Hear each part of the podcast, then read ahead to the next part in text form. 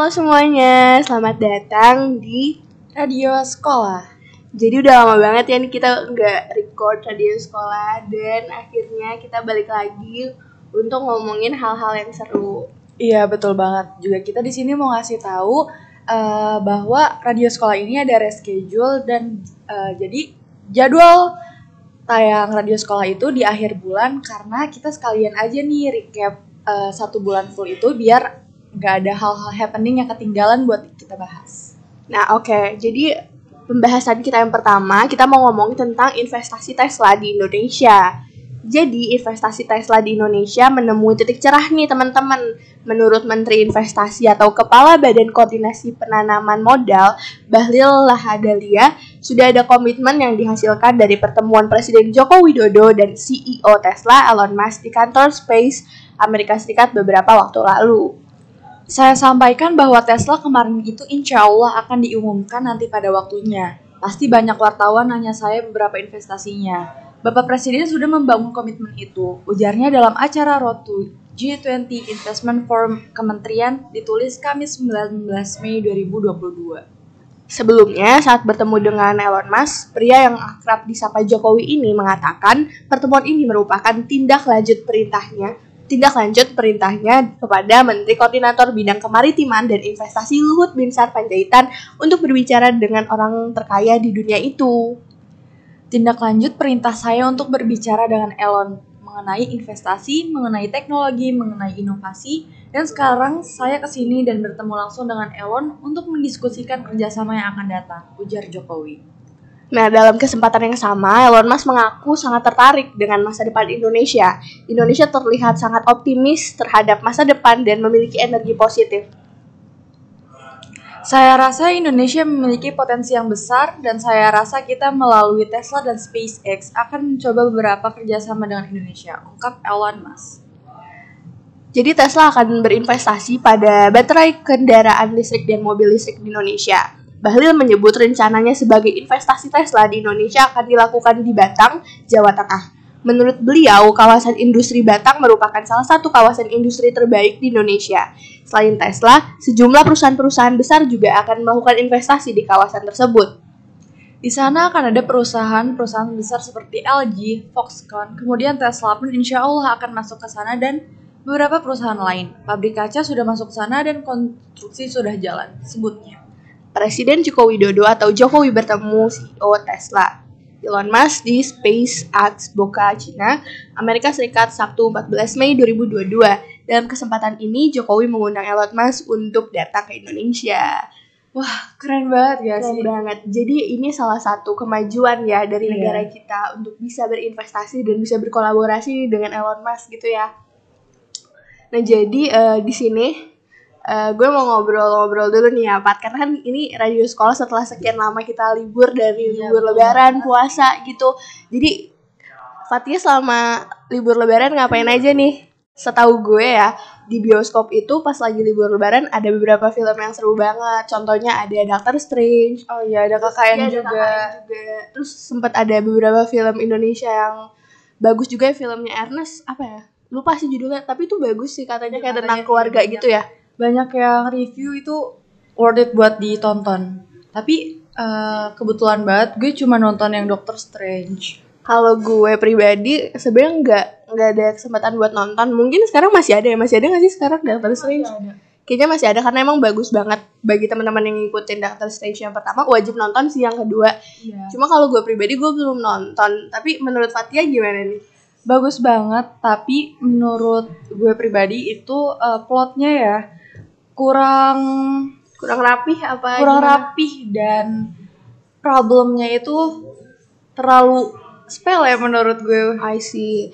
Mungkin kalau kalau gue dapat spoiler dikit ya dari kakak gue katanya sih Doctor Strange ini uh, teman-teman bakal relate kalau kalian tuh udah nonton WandaVision terlebih dahulu gitu. Sebenarnya nggak perlu nonton WandaVision yang sampai habis karena gue lihat juga WandaVision itu kan temanya sitcom ya mm -hmm. dan menurut gue lumayan agak boring tapi sebenarnya kalau misalnya udah nonton Doctor Strange satu udah Tetap bisa relate ya, bisa relate aja kak Doctor Strange 2 terus KKN gimana nih Fatia nonton nggak Wah, belum ada kesempatan nih buat nonton, tapi udah banyak sih teman-teman uh, di sekitar gue yang nonton ya. Iya nonton dan udah ngasih beberapa spoiler. Sebenarnya gini loh, eh, gue sama Fatia itu kan ha- sehabis libur lebaran kita tuh langsung sekolah kayak biasa dan akhirnya nggak punya waktu yang pas buat nonton karena setelah selesai libur lebaran tuh kita langsung kayak dikasih tugas Tugas, numpuk betul, banget kan betul. sebelum sebentar lagi udah mau PAS nih jadi kayak banyak tugas numpuk Ya, harus gitu. prepare juga buat nanti Hmm. PAS dari jauh-jauh hari. Jadi kalau bagi teman-teman yang udah nonton KKN nih ya katanya sih emang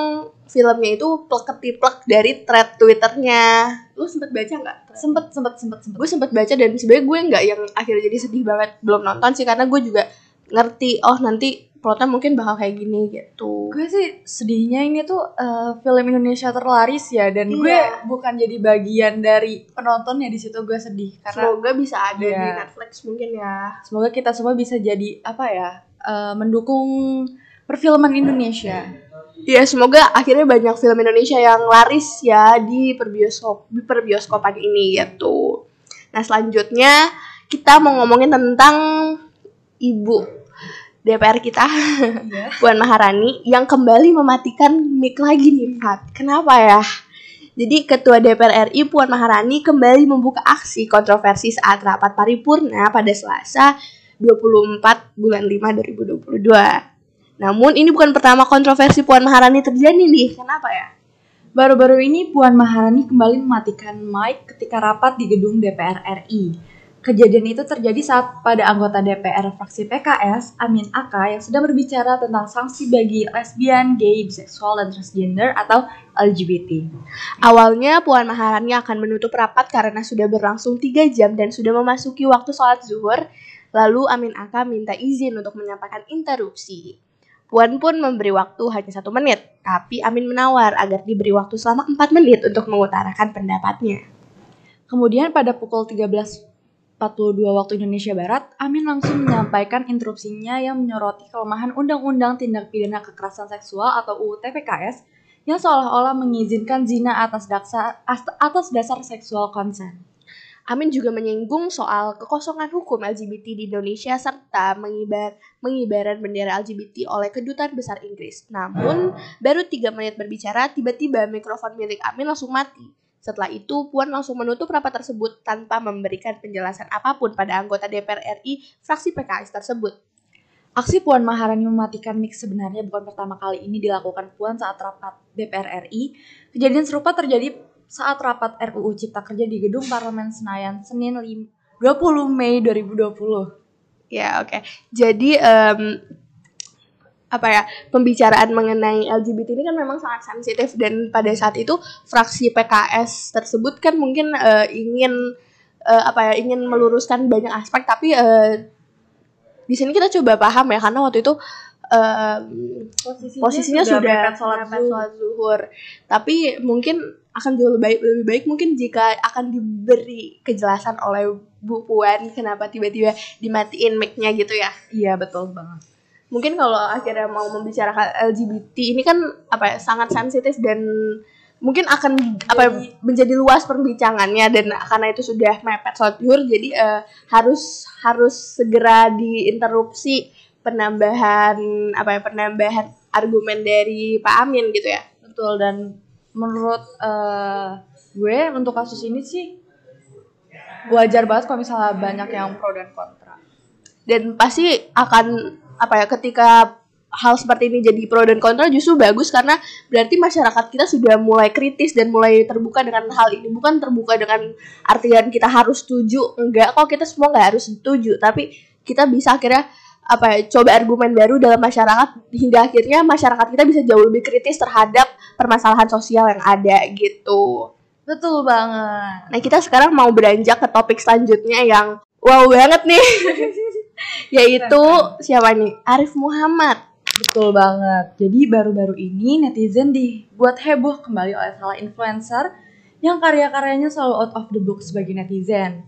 Diketahui bahwa influencer tersebut sebelumnya memang sering kali menyebut nasi padang dan menyinggung secara bercanda kepada pengikutnya di laman Instagram mengenai bagaimana tata cara makan nasi padang yang benar dan betul.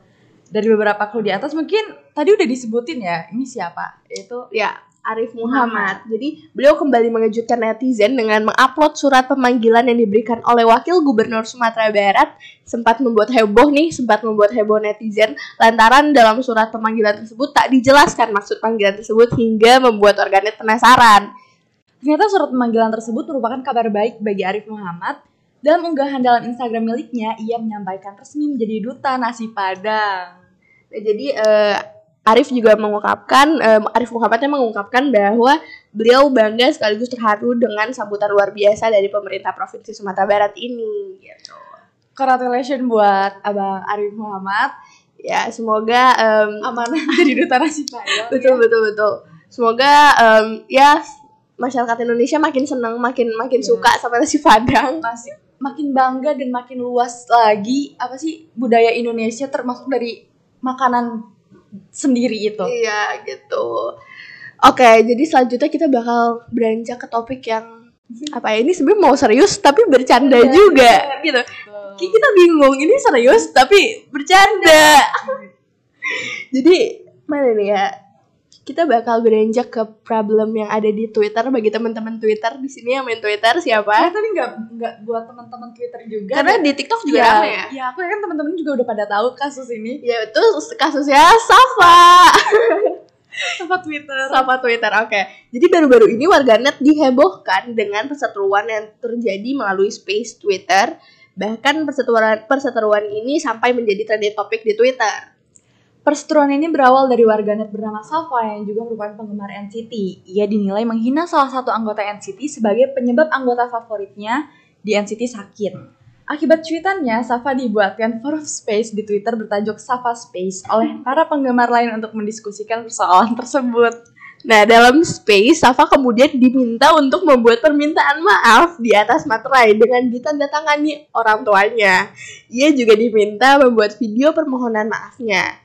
Namun Safa menolaknya. Safa menolak membuat video dan tanda tangan orang tuanya karena menurutnya itu melanggar privasi dan jebakan baginya untuk dijerat hukum.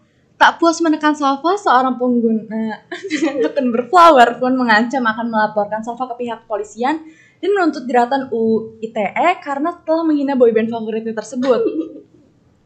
Oke, okay, jadi sebagai fans NCT Dream, Berflower ini mbak yang menuntut Safa menganggap perkataan Safa tentang NCT Dream ini membahayakan dan dianggap sebagai penebar kebencian gitu.